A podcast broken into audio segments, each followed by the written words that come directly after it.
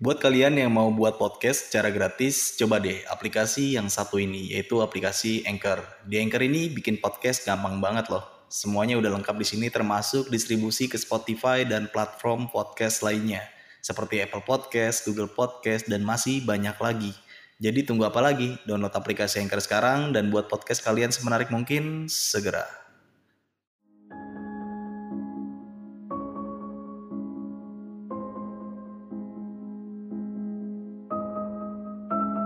Yang tadinya gue mau marah cuma ketika gue uh, ngeliat ke muka Akbar itu bukan muka Akbar bang. Jadi yang gue lihat jelas itu mata yang menyala. Jadi si badannya bener badan Akbar. Kayak baju yang dipakai itu baju Akbar. Cuma yang gue lihat dari mukanya itu bukan muka Akbar bang. Setelah kita sampai di rumah dua hari setelah itu uh, eh, gue dapat kabar dari kakak gue itu dari kakaknya si Akbar. Bahwasannya si Akbar ini ternyata ruh atau sukmanya ini masih tertinggal di Gunung Sumbing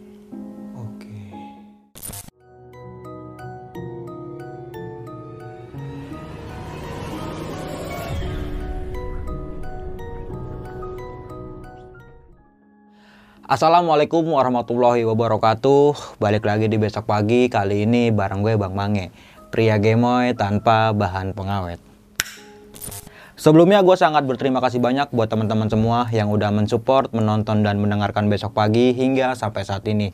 Semoga teman-teman semua yang menonton selalu diberi kesehatan oleh Tuhan Yang Maha Esa.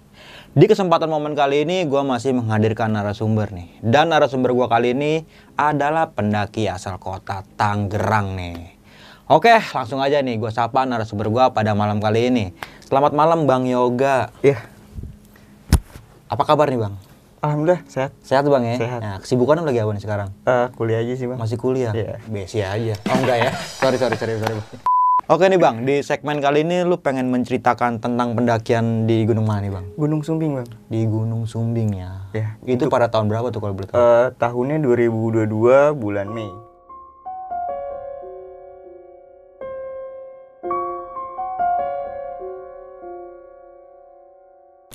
Lo simak video ini sampai habis ya teman-teman semua, biar nggak terjadi kesalahpahaman nantinya.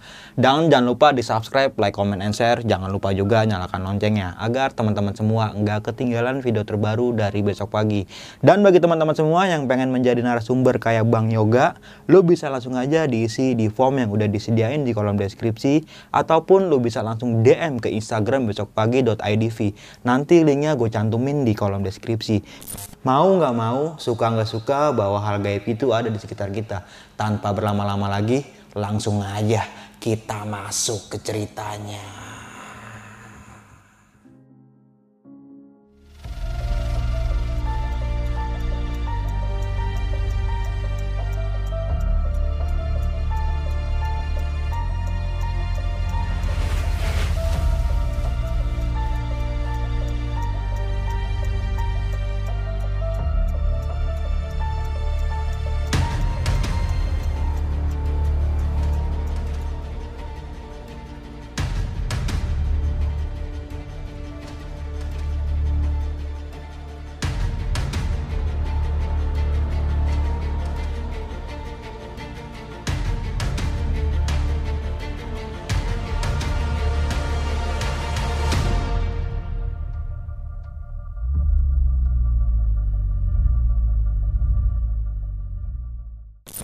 2022 di bulan Mei nih Bang, yang di awal cerita tadi lu sempat menjelaskan sedikit ya, bahwa saja ada salah satu rombongan lu yang sukmanya itu masih tertinggal nih di Gunung Sumbing. Nah, di sini ada orangnya juga nih, Bang. Mohon maaf ya Bang ya, gua diizinin ya, Bang buat cerita ya. Oke. Diwakilkan sama Bang Yoga nih, Bang ya. Eh. Nah, lu siap Bang nih buat menceritakan tentang uh, pendakian pada saat itu nih. Siap, Bang. Oke. Dan semua ini udah dapat izin lah ya dari narasumber langsung nih, dari tokoh utamanya langsung lah. Ya. Nah, lu bisa jelasin lagi nggak sih bang dari awal hingga kejadiannya dan hingga lu bisa turun lagi ke rumah nih? Silakan bang Yoga.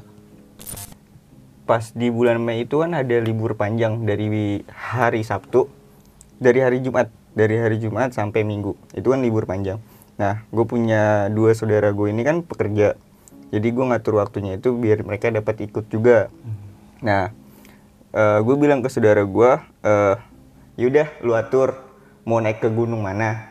Awalnya mereka ngajuin eh, Gunung Sindoro. Tiba-tiba Hamin 10 ngubah jadinya ke Gunung Sumbing. Eh, karena mereka maunya itu ya gue mengiyakan mengiyakan untuk ke Gunung Sumbing. Karena mereka eh, yakin untuk bisa ke Gunung Sumbing.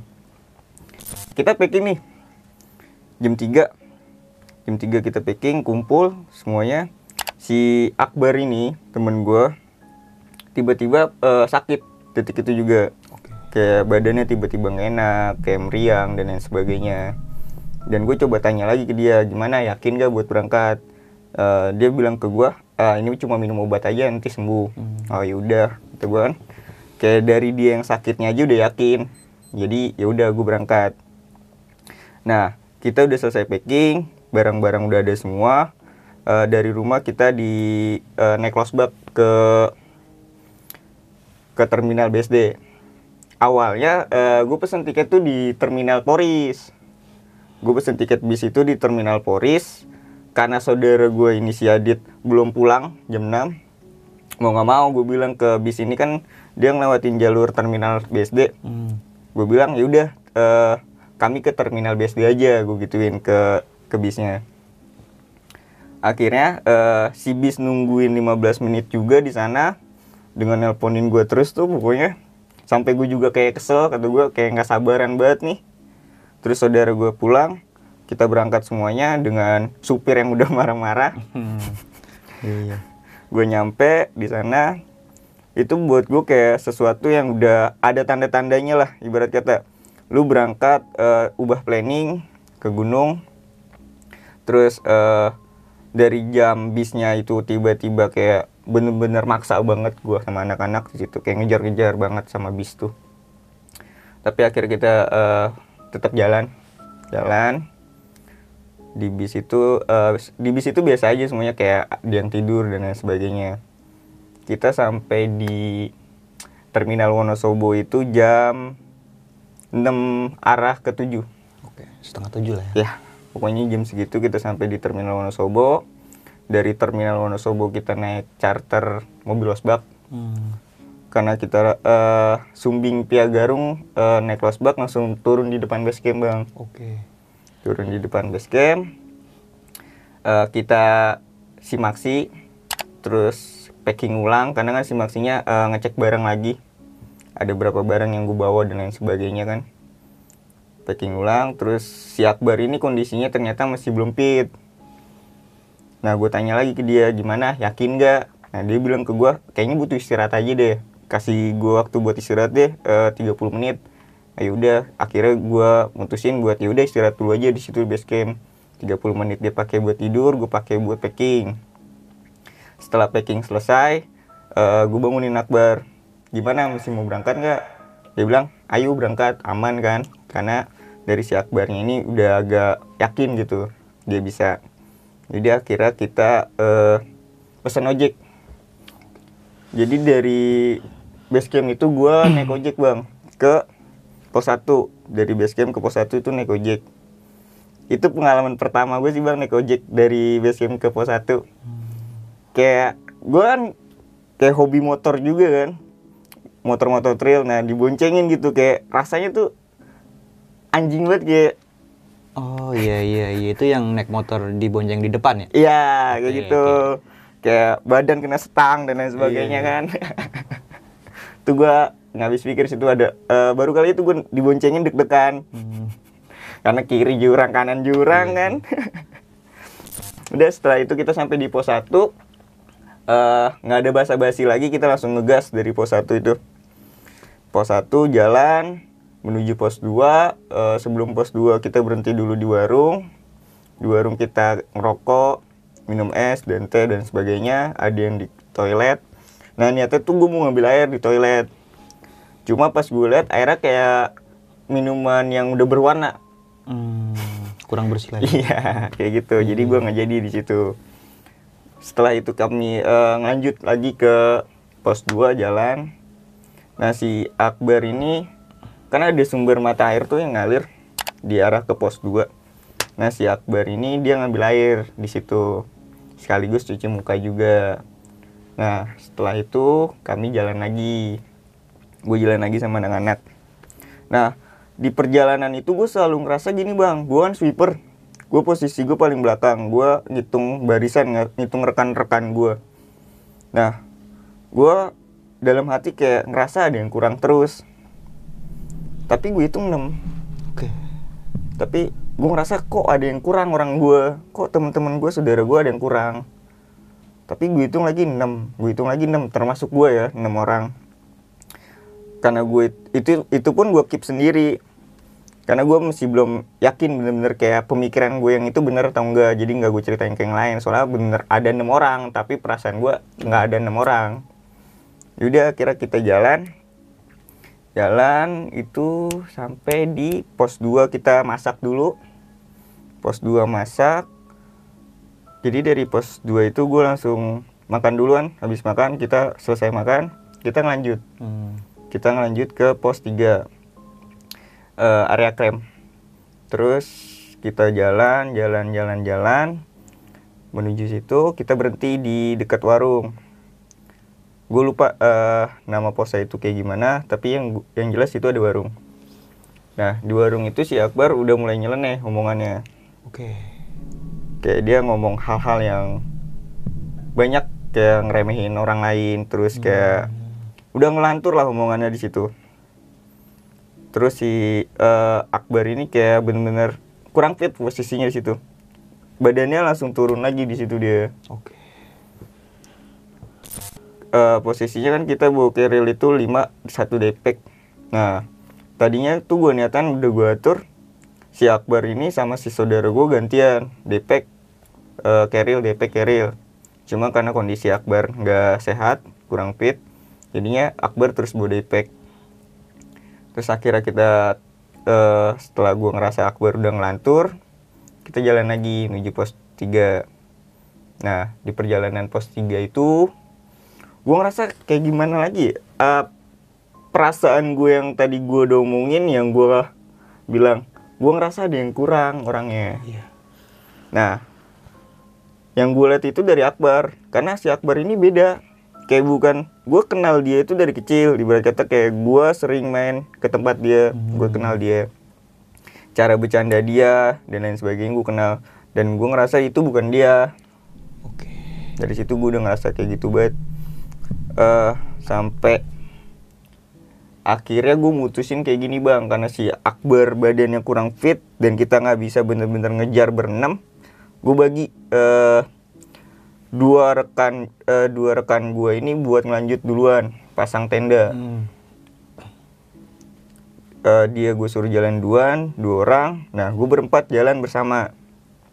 Nah ketika gue jalan bersama gue ngerasa kayaknya nggak bisa kalau kita jalan bersama terus. Nah dua orang ini gue pecah lagi. Buat jalan lebih dulu biar cepet-cepet bantu eh, pasang tenda kalau bisa sekaligus masak. Hmm. kayak gitu. Nah gue nemenin si Akbar. Si Akbar ini ngelantur terus pokoknya. Ngeluh banyak omongan-omongan yang nggak nggak biasa dikeluarin sama dia. Oke. nah karena gue nggak mau dia terus terusan ngelantur namanya di gunung akhirnya gue maksain buat dia ayo kita jalan aja pelan-pelan nggak apa-apa. Daripada kita duduk ngantur duduk ngantur. Nah akhirnya kita sampai eh, gua sama Akbar itu sampai di pos 3 itu camp area 1 eh, maghrib. Gue sampai tuh maghrib di situ.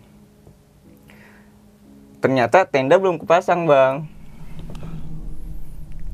tenda belum kepasang gue lupa di mana saudara gua sama temen gua ini masih pemula Oke. jadi kayak masang tenda itu kayak premnya masih pada salah Ah. dan lain sebagainya prem yang harusnya buat di depan dipasang di tengah Oke. yang nggak bakal keangkat tuh tenda Jadi- begitu. jadi pendek gitu ya? iya di situ jadi dingdek terus dia muter-muter terus di situ ya akhirnya mau nggak mau gua lagi yang pasang premnya dan lain sebagainya sambil dibantuin anak-anak kan dan lain sebagainya. Akhirnya tenda kepasang itu posisi maghrib itu dingin banget bang. Gue akuin sumbing dingin banget maghrib itu pas masang tenda. Terus akhirnya tenda kepasang rapiin dalam kita masak. Masak itu jam 7 7.30 atau 50 itu kita selesai. Selesai masak kita makan. Nah si Akbar ini setiap makan dari pos 2 dan selanjutnya itu selalu muntah bang Oke. jadi makan muntah makan muntah makan muntah. Jadi perutnya nggak keisi dia. Makin makin down aja tuh badannya dia. Nah setelah kita makan kita udah ngambil posisi tidur. Posisi tidur itu di jam 9an di jam 9an kita posisi tidur. Eh gue belum benar-benar tidur di situ posisinya jam 9an dan mulai ngerasa hawa panas itu di jam 10 bang jadi pas jam 10 itu gue baru ngerasain gunung tuh panas Oke. gua kira gua doang yang ngerasain di dalam tenda itu panas gue pakai sleeping bag jaket pertama kali gue naik gunung kayak gitu sleeping bag jaket tapi kepanasan biasanya itu gue kedinginan di gede aja gue pakai lengkap itu kedinginan ini sumbing loh ini sumbing kok kepanasan Oke. Kayak ada yang aneh gitu. ya. Iya, soalnya di maghrib yang pas gue masang tenda itu tuh dingin banget bang. Tapi kok tiba-tiba berubah gitu. Nah, gue lepas jaket, baju tuh di dalam SB. Gue ngeras, gue pikir gue doang kan yang ngerasain panas ya. Ya udah, gue tidur kan. Tidur dengan keadaan yang panasan kayak gitu dalam SB. Gue tutup muka gue. Terus nggak lama itu di jam 10.30 atau 40.50 Gue nggak tahu secara detailnya jamnya Si Akbar, gue nggak tahu kalau Akbar yang bangunin ya. Yang gue tahu samping gue tuh ada yang ngebangunin. Cuma ngebanguninnya kayak bukan teman atau saudara gue Separah-parahnya saudara atau temen gue ngebangunin gue ngegoyangin bang. Hmm. Goyangin. Cuma pas gue dibangunin itu dipukulin. Oke.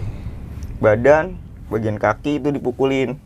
Dan nggak tahu kenapa perasaan gue bilang jangan buka sleeping bag gue jangan buka biarin aja cuekin kayak gitu. Makanya nggak gue buka nggak gue respon.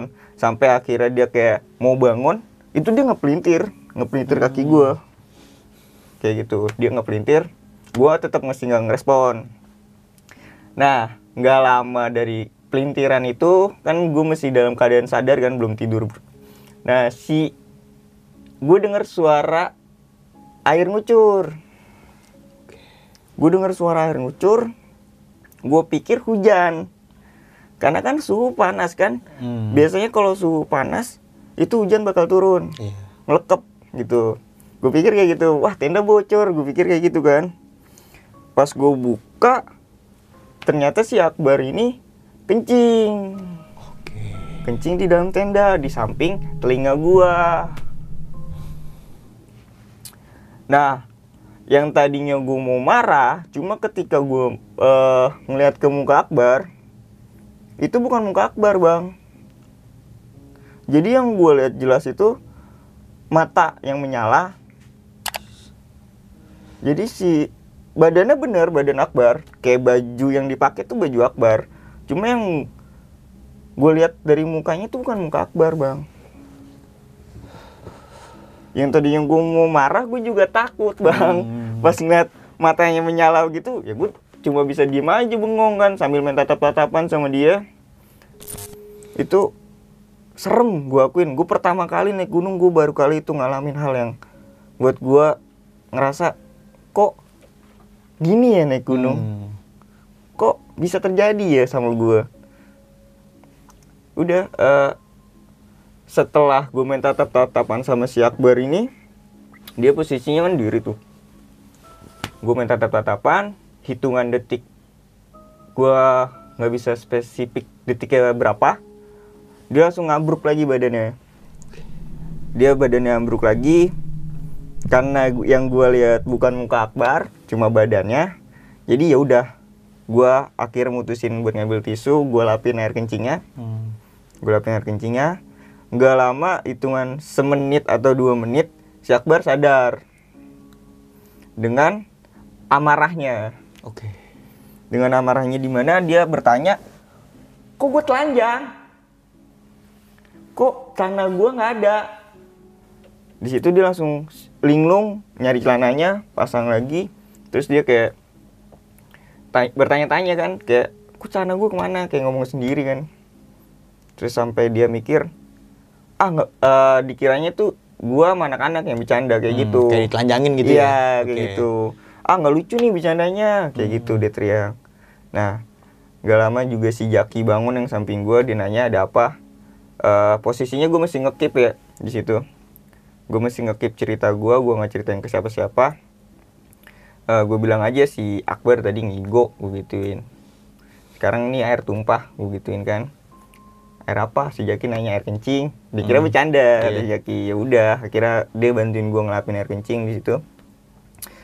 Eh setelah itu eh, udah tuh gue buat bener-bener keep semuanya. Jangan ceritain dulu pada detik itu karena gue paham betul bahwasannya saudara temen gue itu masih pemula. Hmm. pasti ada suges yang buruk banget Iya. nantinya. Bakal terjadi hal-hal yang buruk lagi. Dan gue nggak mau itu terjadi. Makanya gue keep di situ eh untungnya saudara gue ada yang paham sama gue nah dia mutusin buat eh, nyeduh kopi. Saudara gue nyeduh kopi akhirnya kita ngopi dulu. Tapi sebelum itu eh, si Jaki ini eh, masuk angin. Perutnya eh, sampai kentut-kentut terus kan dia. Kentut-kentut terus dia minta dianterin buat buang air besar cuma kondisinya gue habis ngelihat hal kayak gitu dan gue nggak berani sama sekali buat keluar posisinya di situ. Eh, akhirnya gue beralasan ke dia eh, gue nggak bisa buat nganterin lu. Badan gue lagi enak gue gituin Hmm. aja. Untungnya dia memaklumi akhirnya dianterin sama saudara gue yang satu lagi si Pras. Dianterin lah dia tuh. Terus setelah itu gue ngopi kan. Gue ngopi eh, ngobrol-ngobrol-ngobrol-ngobrol sampai jam 12 eh, gue ngambil posisi tidur lagi cuma posisi tidur gue ini udah berubah yang tadinya nih si Jaki nih si eh si- gua di sini Akbar di sini Delon Hmm. gue ubah di sini kan ada si Pras di sini ada Adit nah gue langsung ngambil posisi di sebelah sini Oke. gue langsung ngambil posisi di sebelah sini Nggak bang samping sama Akbar ya. iya gue langsung ngambil posisi sebelah sini dekat eh, bagian pinggiran tenda tuh. Nah gue ambil posisi sebelah sini. Dan gue merasa salah juga ambil posisi sebelah sini nih. Karena salahnya di bagian sebelah sini berisik ngorok sebelah sini berisik kentut. Jadi udah gitu brengseknya nih kentut. Ya. kan gue pakai sleeping bag. Sleeping bag kan sampai muka tuh sampai habis. Itu kentut ngincer hidung sampai Iya, masuk iya, tuh. iya, iya. Udah nggak hilang itu iya. Gue jadi melekep tuh gue dalam SB tuh. Ah anjing lah kata gue kata gue di sana berisik di sini kebauan serba salah di situ Hmm. gue akhirnya gue paksain aja buat tidur. Karena kan gue eh, udah kayak punya tekad gue harus summit lah besok gitu. Jam 3 pagi gue bangun gue bangunin saudara gue pada. Nah gue tanyain ada yang mau summit attack nggak? Akhirnya eh, tadinya tuh niatnya berlima summit attack. Gua Pras Adit eh, Delon sama Jaki. Itu mau summit attack cuma si Akbar kan nggak bisa summit attack posisinya. Karena badannya tambah down di situ. Akhirnya si Jaki karena badannya juga masuk angin dia mutusin buat nemenin Akbar kenapa dia berani buat nemenin Akbar karena gua nggak ceritain. Iya. mungkin kalau gue ceritain dia pun ikut summit attack mau Iya. badannya sakit kayak gimana dia pasti bakal ikut. Pasti dipaksa gitu ya. iya gue yakin di situ. Yaudah dia akhirnya nemenin Akbar. Gue summit attack itu jam 3.40an summit attack jalan berempat doa dulu. Setelah doa kita jalan pelan-pelan. Kita eh, salahnya itu gua bawa air cuma satu Botol. Ya, gue bawa satu liter, terus sama Indomie dua, sama kompor satu, dan gas satu. Karena gue pikir eh paling banget kita nyampe, eh karena gue udah nonton YouTube juga kan mempelajari jalurnya. Paling banget kita nyampe tiga jaman lah Hmm. buat sampai sana. Ternyata perjalanan itu gue jalan bener, kayak gue istirahat cuma sebentar doang bang. Jadi jalan nih. Duduk bentar minum dikit. Udah jalan lagi. Duduk bentar minum dikit. Tapi yang gue heran kok gue summit attack itu sampai di po, uh, puncak sejati itu jam 9 Oke, jam 9 pagi. iya. Yang harusnya itu jam maksimal banget itu jam tujuan summit attack kok ini jam 9 kok lama padahal jalan yang gue jalanin bener. Terus gue jalan juga nggak lama. Hmm. duduk dikit minum jalan. Duduk dikit minum jalan. Kayak gitu. Pas di sampai kita di puncak sebentar doang foto-foto dikit. Terus kita juga kepikiran Akbar sama Jaki kan di bawah. Akhirnya kita mutusin turun itu di jam 10-an jam 10-an kita turun pelan-pelan karena air juga habis salahnya di situ. Eh, intinya kalau kalau ngedaki persiapan air itu jangan Jangan ngepres. ya. iya jangan bener kayak jatuhnya ngeremehin juga sih itu. Di situ gue ngambil pelajaran lagi. Ya udah kita nggak ada air karena gue ngeliat gue bawa indomie kan. Karena indomie juga dibawa kayak sia-sia kan gak kemasak jadinya gue gado nah kan di situ kan kayak ada garamnya Ah, garamnya itu kan bisa nambahin tenggorokan kita Iya, Jadi bukannya malah gatel ya? iya kayak gitu Kayak agak gatel gitu kan. Heeh. Yaudah kita akhirnya turun. Turun itu sampai di Kemaria itu gue jam 12-an bang. Di Kemaria jam 12-an, gue tanya kondisi Akbar lagi gimana. Dia bilang eh masih kurang enak badannya. Eh dia dia kan gue tinggalin kompor, gas sama beberapa makanan kan di situ ternyata dia mesen makanan yang di warung. nih, nih tenda gua, nih warung. Udah kayak gitu, nih jurang di sini. Sebelum lanjut ke cerita, untuk kalian yang ingin menjadi narasumber di besok pagi dan mempunyai cerita horor dalam pendakian, kalian bisa kirim cerita kalian ke Instagram official besokpagi.idv atau melalui email besokpagi.ch@gmail.com. Udah setelah itu kita eh, gua makan lagi karena emang gua dari atas belum makan kan dari summit berangkat belum makan sama anak-anak. Akhirnya gua makan, masak. Selesai makan, tanya kondisi Akbar dulu gimana bisa nggak turun. Eh, si Akbar ini eh, jawab bisa turun kan. Ya udah kita packing lagi, packing alat barang semuanya udah rapi. Kita turun. Di ja- perjalanan turun ini ternyata eh, si Akbar berdiri pun nggak bisa dia berdiri itu udah goyang dia bilang kok goyang semuanya akhirnya eh, ubah formasi. Si Pras di depan Akbar di tengah di sini Jaki itu dia megangin. Hmm. jadi si Akbar pegang Pras si Jaki pegang Akbar biar dia nggak jatuh ke jurang. Lumayan kan jurang sumbing tuh. Kalau jatuh ya udah lebih jauh kalau jurang sumbing. Ya udah setelah itu kita jalan pelan pelan pelan pelan akhirnya si Akbar bilang kayaknya nggak bisa dah kalau kita paksain untungnya s- eh, si Pras ini HP-nya ada sinyal dan bagusnya itu peta masih ada Hmm. karena kan di peta itu ada nomor base camp Iya. Nah, jadi gue bisa telepon eh, orang base camp buat evakuasi si Akbar ini. Oke. Akhirnya kita telepon base camp. Dari base camp buat nyaranin turun pelan-pelan aja. Nanti kami jemput juga. Eh, kalau bisa kasih minuman yang berion. Hmm. Kalau nggak ada yang berion, bikin eh, air putih sama eh, garam direbus. Karena gue juga nggak ada garam posisinya di situ, gue akhirnya mutusin buat turun lebih dulu.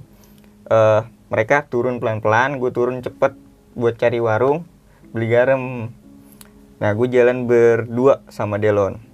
Sepanjang perjalanan gue turun buat cari garam itu, gue dipandu sama burung jalak. Nah, setiap gue jalan, burung jalak depan, terus ketemu tikungan ada burung jalak di depan. Pokoknya burung jalak ini ngebandu, eh, ngepandu jalan gue, gitu. Sampai akhirnya gue di pengkolan 9 itu baru dapet eh, warung. Nah, pas di warung, yang gue pesen yang gue beli malah gula bang Oke. Malah gula yang gue beli. Nah di situ gue belum sadar belum inget gitu apa yang pesan dari orang base camp. Nah gue ya udah gue ambil gulanya gue bayar gue naik lagi ke atas sama si Delon.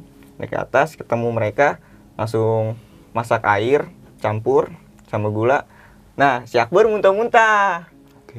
Di situ gue baru inget oh iya beli garam. Bukan gula. iya di situ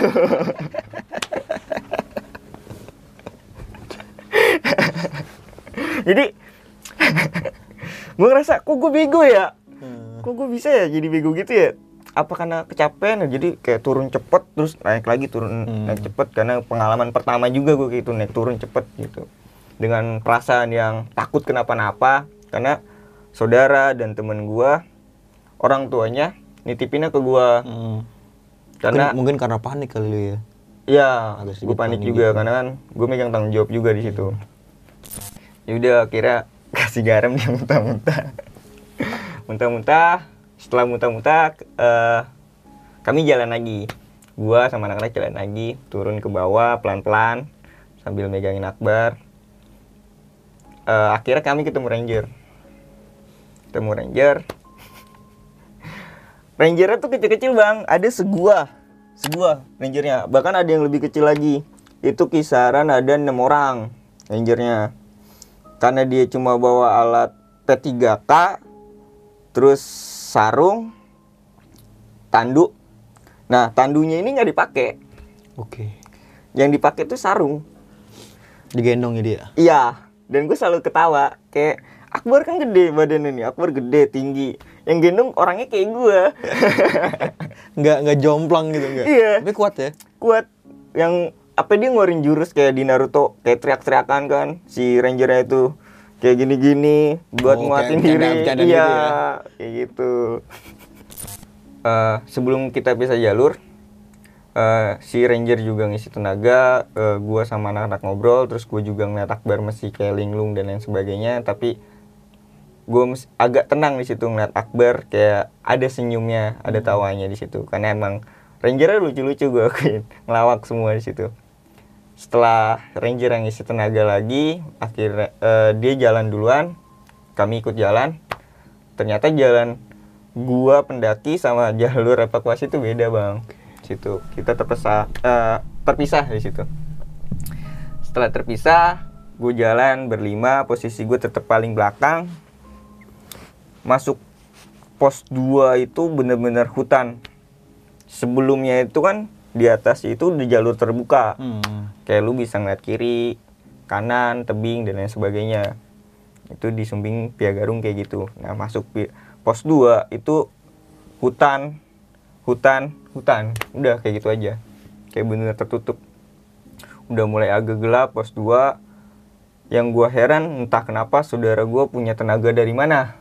Kok jalannya bisa cepet gitu yang gue paling belakang mau nggak mau nyimbangin jalannya mereka dong. Hmm. kondisi gue saat itu eh, kaki gue masih pegel tuh gara-gara naik turun kan.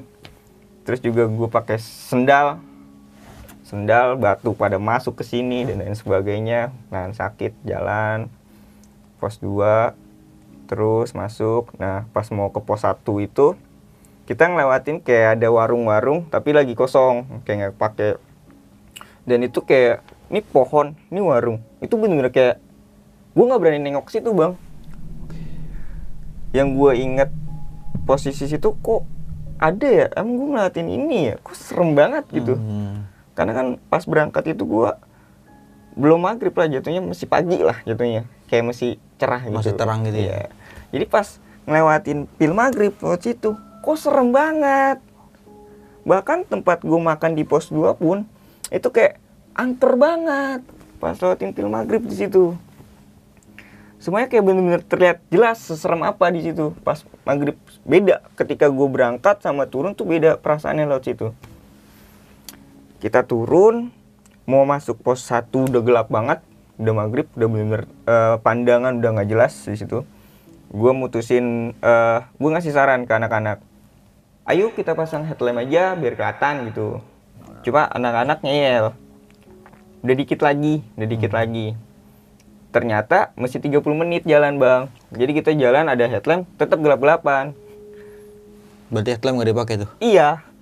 Sia-sia gue beli. Iya iya iya. udah akhirnya gue jalan. Jalan-jalan jalan jalan. Cepet sampai ada yang kepleset juga. Karena kan pas dari pos 1 mau arah pos 1 ini udah jalannya tuh kayak dibuat kayak tangga gitu agak tangga terus ada lumutnya juga terus basah kan? Jadi gampang kepleset di situ. Udah akhirnya eh, kita sampai di pos 1 ternyata kita pendaki terakhir bang yang turun. Kita pendaki terakhir yang turun itu udah gelap semua. Untungnya masih ada tukang ojek. Akhirnya kita eh, turun naik ojek. Si Akbar ini udah duluan karena kan beda jalur. Gue udah udah terpisah lah ibarat kata di situ. Gue nggak tahu dia di mana. Pas gue ketemu dia itu udah di base camp. Udah setelah di base camp kita kayak ngobrol-ngobrol sedikit. Tuh. Kayak buat ngerelakin badan aja dulu dan lain sebagainya. Nah akhirnya gue cerita apa yang gue alamin apa yang gue lihat apa yang gue rasain di situ. Gue ceritain ke mereka. Mereka kaget kok bisa terjadi gitu? Ya jawaban gue gue nggak tahu kenapa terjadi. Kayak bukan gue yang kesurupan. Bukan gue yang bukan gue yang kerasukan. Jadi gue nggak tahu eh, apa yang salah gitu. Ini dah akhirnya. Eh gue nggak tahu ya di posisi situ yang ngurus si Akbar ini si Pras. Gue nggak tahu kalau eh, setelah nyampe base camp itu dia ngapain dan lain sebagainya itu yang ngurus si Pras nah yaudah setelah itu Akbar juga urusannya udah selesai gue pergi eh, ini kan base camp nah di atasnya tuh ada warung Hmm. Nah gue karena base camp rame kan posisinya situ, gue milih pindah buat ke warung aja di atas. Gue di warung atas, eh, ngerokok, ngopi, makan. Akbar posisi tidur, Akbar Pras itu posisi tidur. Yang ada gua makan itu Jaki, Adit, Delon, gue berempat. Nah gue berempat itu kayak ngobrol santai sama penduduk sekitar yang punya warung itu gue lupa namanya mas apa gitu pokoknya adalah orang situ asli ngobrol-ngobrol-ngobrol sama dia gue ceritain apa yang gue alamin dan dia bilang itu udah sering deh Oke.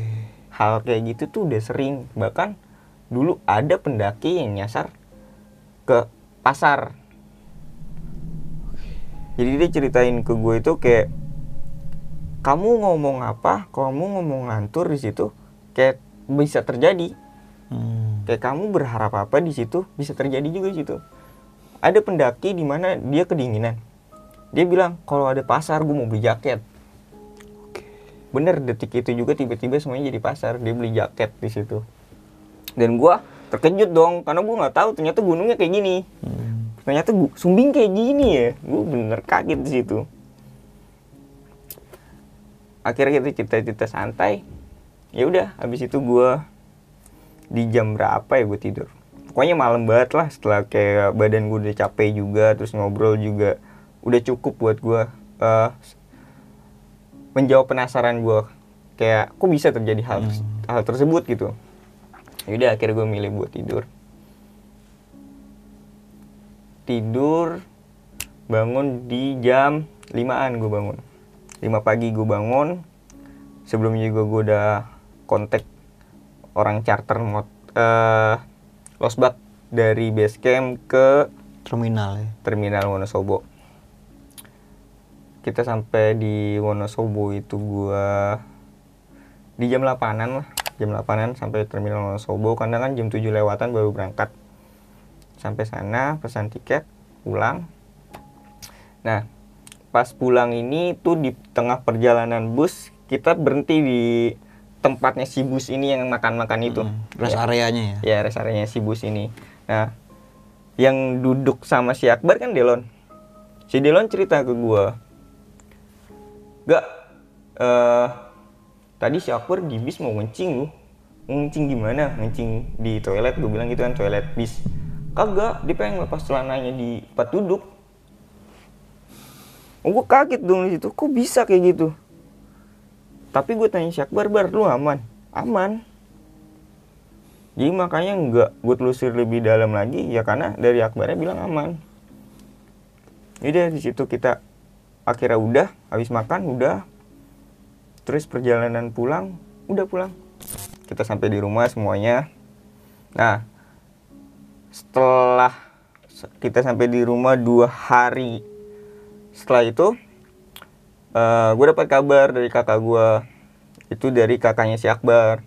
Bahwasannya si Akbar ini ternyata ruh atau sukmanya ini masih tertinggal di Gunung Sumbing.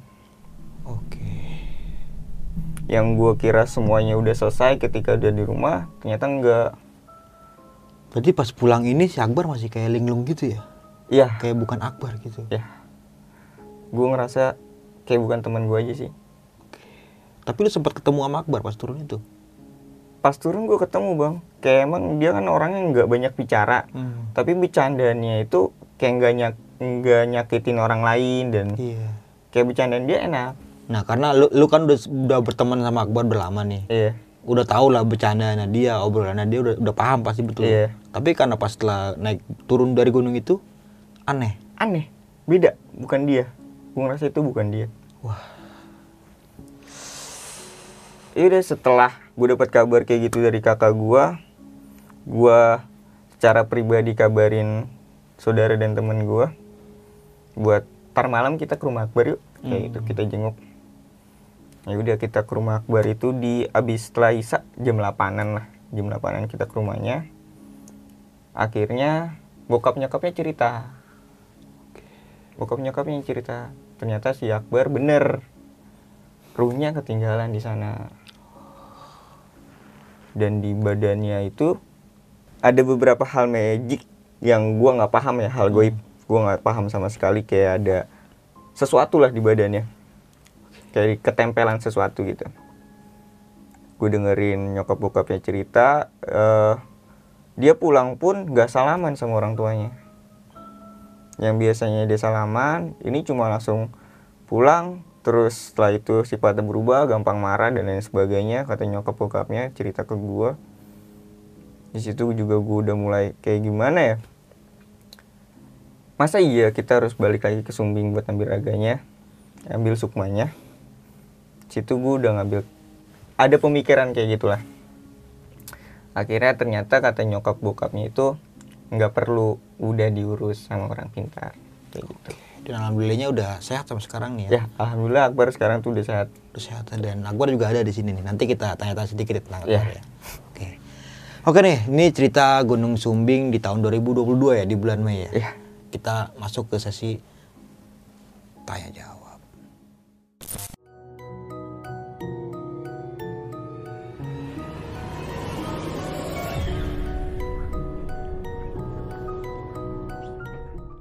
Oke nih Bang Yoga gokil banget sih nih. Cerita pendakian lu di Gunung Sumbing nih. Dan itu uh, kejadiannya baru masih baru-baru bulan kemarin. tiga nih. bulan yang lalu lah Masih anget banget iya nih. bulan Mei Oke, nah di sini kan yang dipermasalahkan dari awal di cerita ini kan karena tentang perubahan dari Akbar ini setelah turun dari Gunung Sumbing itu nih. iya Yang tadi lu sempat bilang kayak aneh, kayak linglung, kayak gampang marah gitu ya. Hmm. Dan ternyata pas digali literasi dari orang tuanya, ternyata ada yang nempelin atau eh, bisa dibilang sukmanya masih ketinggalan mungkin di sana nih. iya benar sekali bang Oke, Oke. dan itu menurut orang tuanya ya. ya itu menurut orang tuanya dan orang tuanya itu kata orang pintar yang lihat Hmm.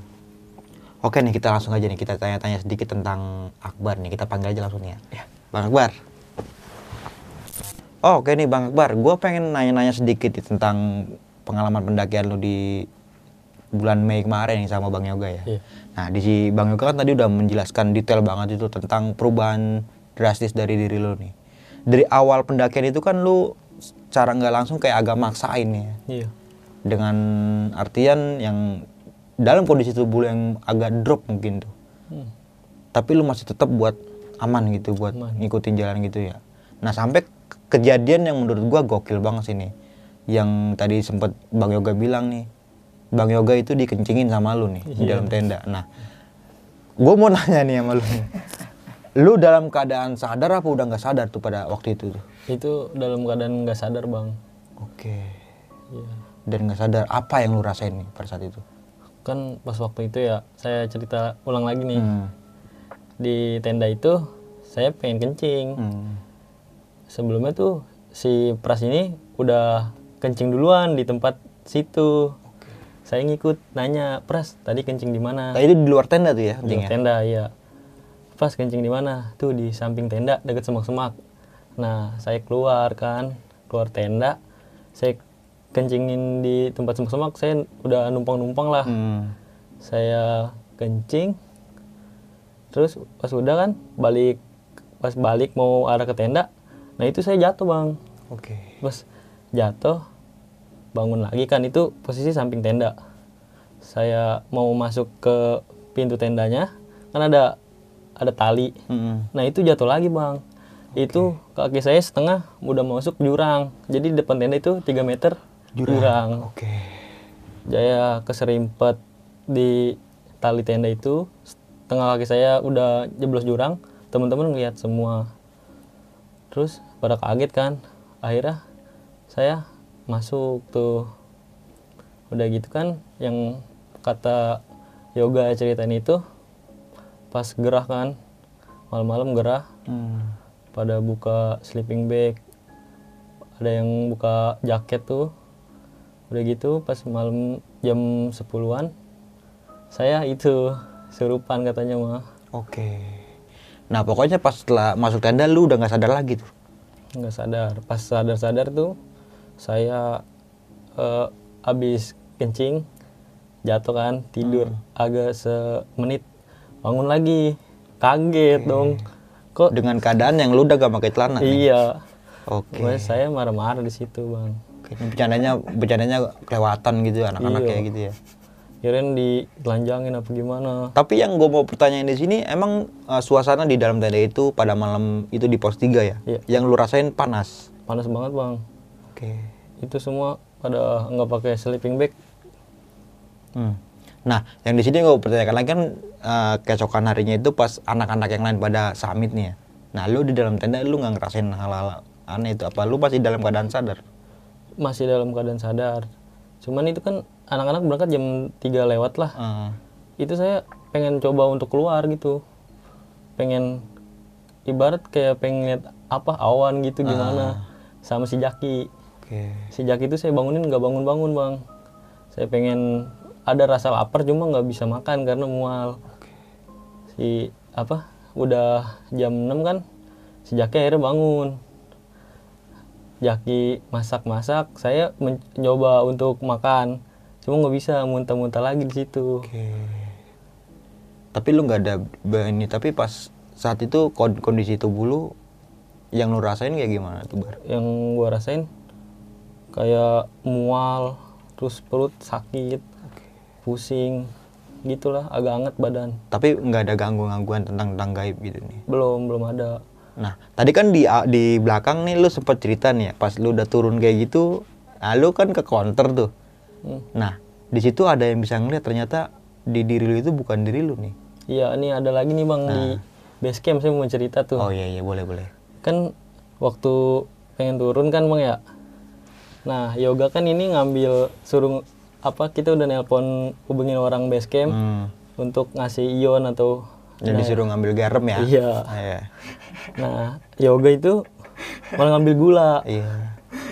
akhirnya mau nggak mau saya minum tuh udah dimasakin sama simpras saya minum saya muntah-muntah parah situ Oke. muntah parah akhirnya tuh nggak lama orang apa ranger datang udah saya dikasih makan tapi tetap nggak nggak bisa makan akhirnya di apa ngeluarin sarung digendong saya bang Oke. Dan postur tubuh lu yang gede segini digendong turun tuh berarti Iya. dari pos 3 mungkin pos 3 lewat Tiga, sedikit ya iya, mungkin lewat ya. sedikit. itu ranger kecil-kecil banget bang cuma saya yakin kuat banget itu dia Enak dong, tak gendong gitu ya. Enak mau digendong lagi? enggak lah Enggak. Tadi tadi pas sampai base camp berarti lu sampai base camp ini duluan ya? enggak malah dia dia duluan. Saya kan beda jalur tuh. Heeh. nyampe pos 2 itu kan ada dia bawa motor ranger ranger itu. Nah teman-teman tuh pada jalan itu kelewatin yang maghrib suasana maghrib.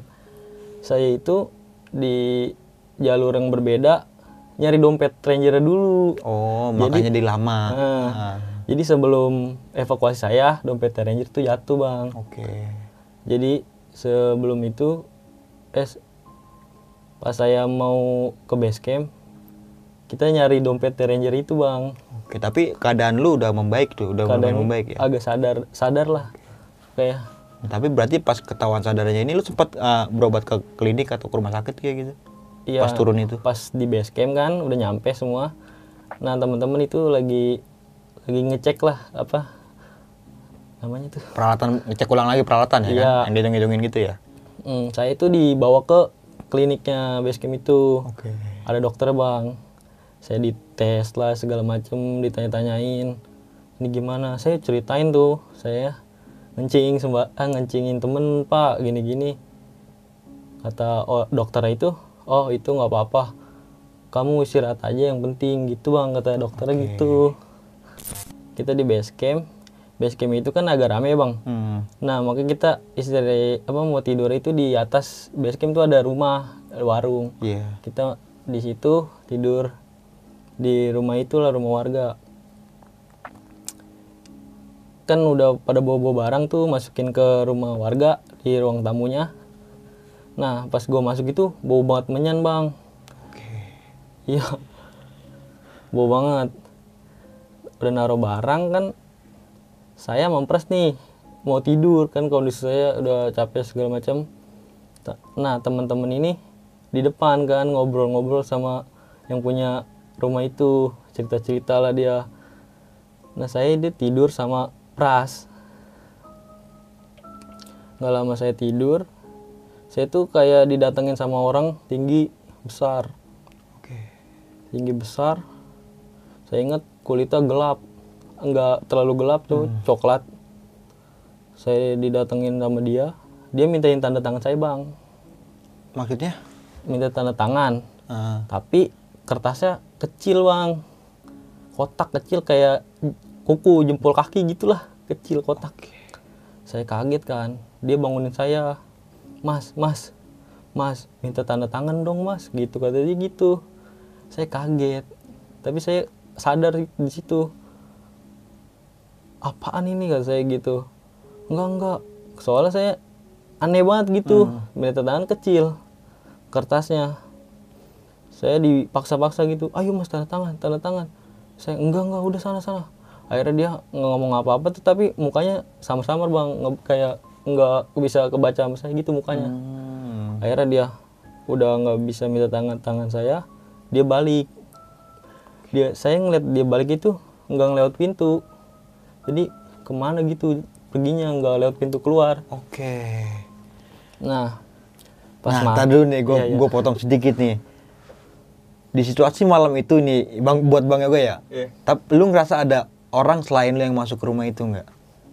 ada tapi yang digambarin apa yang diceritain sama dia nggak ada yang gue lihat kayak gitu Oke. Kayak orang-orang normal biasa ya. iya kayak yang tidur di situ Ah. terus kayak yang punya rumah itu doang nggak ada Berarti orang yang tubuh gede ini yang melihat nggak ada ya? iya makanya pas itu gue ya udah nggak percaya aja di situ orang gue ngeliat nggak ada Nah, terus lanjut nih, boleh bang.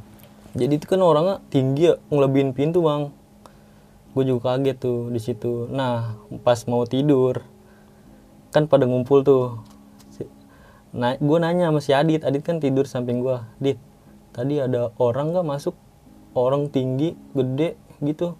Kata si Adit nggak ada bang nggak ada siapa siapa kok gue kaget kan. Duh siapa ya? Akhirnya di situ pada bingung tuh bang.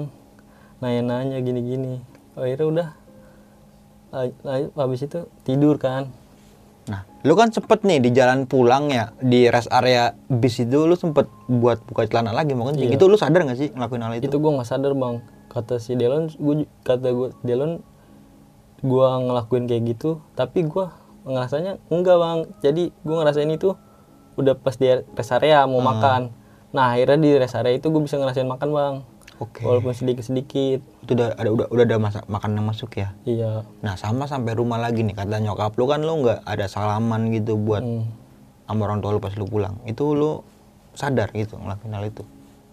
enggak sih gue kayak linglung gitu bang jadi sampai rumah itu kan rumah gue paling depan ya dari teman-teman yang lain jadi mobil jemputan itu kan di depan rumah gue parkirnya karena rumah gue paling depan di ujung nah ibu gue kan keluar pagar eh udah pulang anak-anak kan gitu ibu gue nah yang lain itu pada salim bang nah gue kagak gue bingung aja gitu teman-teman pada salim sedangkan gue jalan Yang- aja yang emak lu sendiri ya. Iya, kayak nggak Oke. kenal. Akhirnya gue jalan duluan ke Empang. Empang itu kan kayak base camp kita gitu. Iya, akhirnya gue ke Empang tuh. Berarti lu nggak sadar tuh lu yang apa aja yang lu lakuin Nggak pas di sadar. rumah itu. Nggak sadar. Oke. Berarti pas sembunyi-sembunyi ini lu sempat berobat sama orang Nah, paranormal gitu mungkin ya. besoknya kan ibu gue inisiatif tuh. Ini anak capek kali ya apa? Ibu gue manggilin tukang urut bang. Oke. Tukang ngurutnya itu ngurut badan gue katanya badan gue dingin apa gimana gitu. kata tukang urut ini bu ini anak nggak bener nih nggak ada yang nggak beres gitu. Terus tapi saya nggak bisa ngobatin tukang urut cuma bisa ngurut doang. Nah habis itu kan ibu gua kepikiran terus tuh bacain doa salawatin segala macem. Nah akhirnya besoknya ada abang gua untung tuh ada abang gua apa ngeliat HP gua kondisinya rusak ngajak bar benerin HP yuk. Ini HP lu pecah nih. Akhirnya tuh ke counter HP nah di tukang counter HP itu dia ngerasa nih aura gue gelap banget gitu. Ini menurut tukang konter ya. iya. Tukang counter itu emang bisa bang bisa ngelihat aura gue gelap banget kata dia. Ini gue obatin aja dia lu kata dia gitu. Akhirnya gue diobatin sama dia. Jadi di badan gue itu ada yang nempel bang dua makhluk. Hmm. yang orang tinggi gede itu sama kayak sejenis terbang gitu kayak kuyang cuman bukan kuyang agak terbang lah. Sejenis kuyang lah ya. iya tapi terbang dia. Nah udah gitu kan gue udah enakan ya agak ngerasa badan gue gimana gitu lah masih masih linglung cuman. Nah pada itu kan abang gue masih kurang yakin nih. Ini anak kok masih linglung habis diobatin gitu abang gue motoin gue tuh dikirim fotonya ke yang lebih pinter dari tukang konter itu Nah, mungkin S3 lah ya. gitu iya ya. S3 Iya, lebih pinter lah. Maksudnya gitu ilmunya lebih tinggi lah. ya dikirimin kan fotonya gua kata yang apa lebih pinter itu wah nih anak sukmanya nggak ada adanya raga doang Oke. gitu bang Dan akhirnya lu berobat lagi ke yang orang itu. Enggak. enggak dia pakai ini dong foto udah bisa Oh, jarak nah jauh. malam itu teman-teman pada datang tuh yang diceritain yoga Hmm. teman-teman pada datang nah itu gua kondisinya belum balik ke gua sendiri diri gua Masih agak keadaan linglung sedikit gitu. ya ibu gue jelasin gini-gini bantu doa bantu apa gitu nah besoknya saya ke yang itu ngobatin saya yang Hmm. terakhir ngobat yang terakhir besoknya abang saya kan di WA tuh katanya. Ini adek lu udah mau sembuh udah mendingan. Suruh ke tempat dia bang kita ngobatin. Gua ke sana itu kok gua kenal sama yang ngobatin gua? Iya gua kenal tuh sama dia yang ngobatin. Ternyata kan sukma gua kata dia nyantol di gunung sumbing ya bang. Hmm. Jadi dia pas abang gua foto itu dia tuh ngambil sukma gua ke gunung sumbing bang Oke. dengan cara nggak pakai inilah ilmu dia lah Hmm. Kayak semacam telepati mungkin. Iya, dia ngambil. Jadi di sana gua diikat bang, sama makhluk sana lah. Nah, pas yang ngobatin gua minta balikin, nggak dikasih bang. Oke. jadi nego dulu tuh Hmm, buat persyaratan lah gitu ya. Heeh. akhirnya nggak dikasih jadi wah lama nih gini-gini akhirnya dilawan sama yang ngobatin gua makhluk itu akhirnya bisa kan balik ke badan gua akhirnya gua ke tempat dia Akhirnya lu sehat sampai sekarang nih ya. Sehat ya. sehat alhamdulillah udah nggak nggak linglung lagi. enggak enggak udah Nah sebelum kita mengakhiri video kali ini mohon maaf banget nih buat teman-teman semua bila ada kata-kata yang kurang berkenan nih di hati teman-teman semua mohon dibukakan pintu maaf yang sebesar-besarnya karena kita ini semua cuma manusia biasa yang tak luput dari dosa dan kesalahan. Oke, mungkin itu aja dari gua Bang Mange dan juga Bang Akbar dan juga Bang Yoga nih. Gua pamit undur diri sampai jumpa di video-video selanjutnya. Wassalamualaikum warahmatullahi wabarakatuh.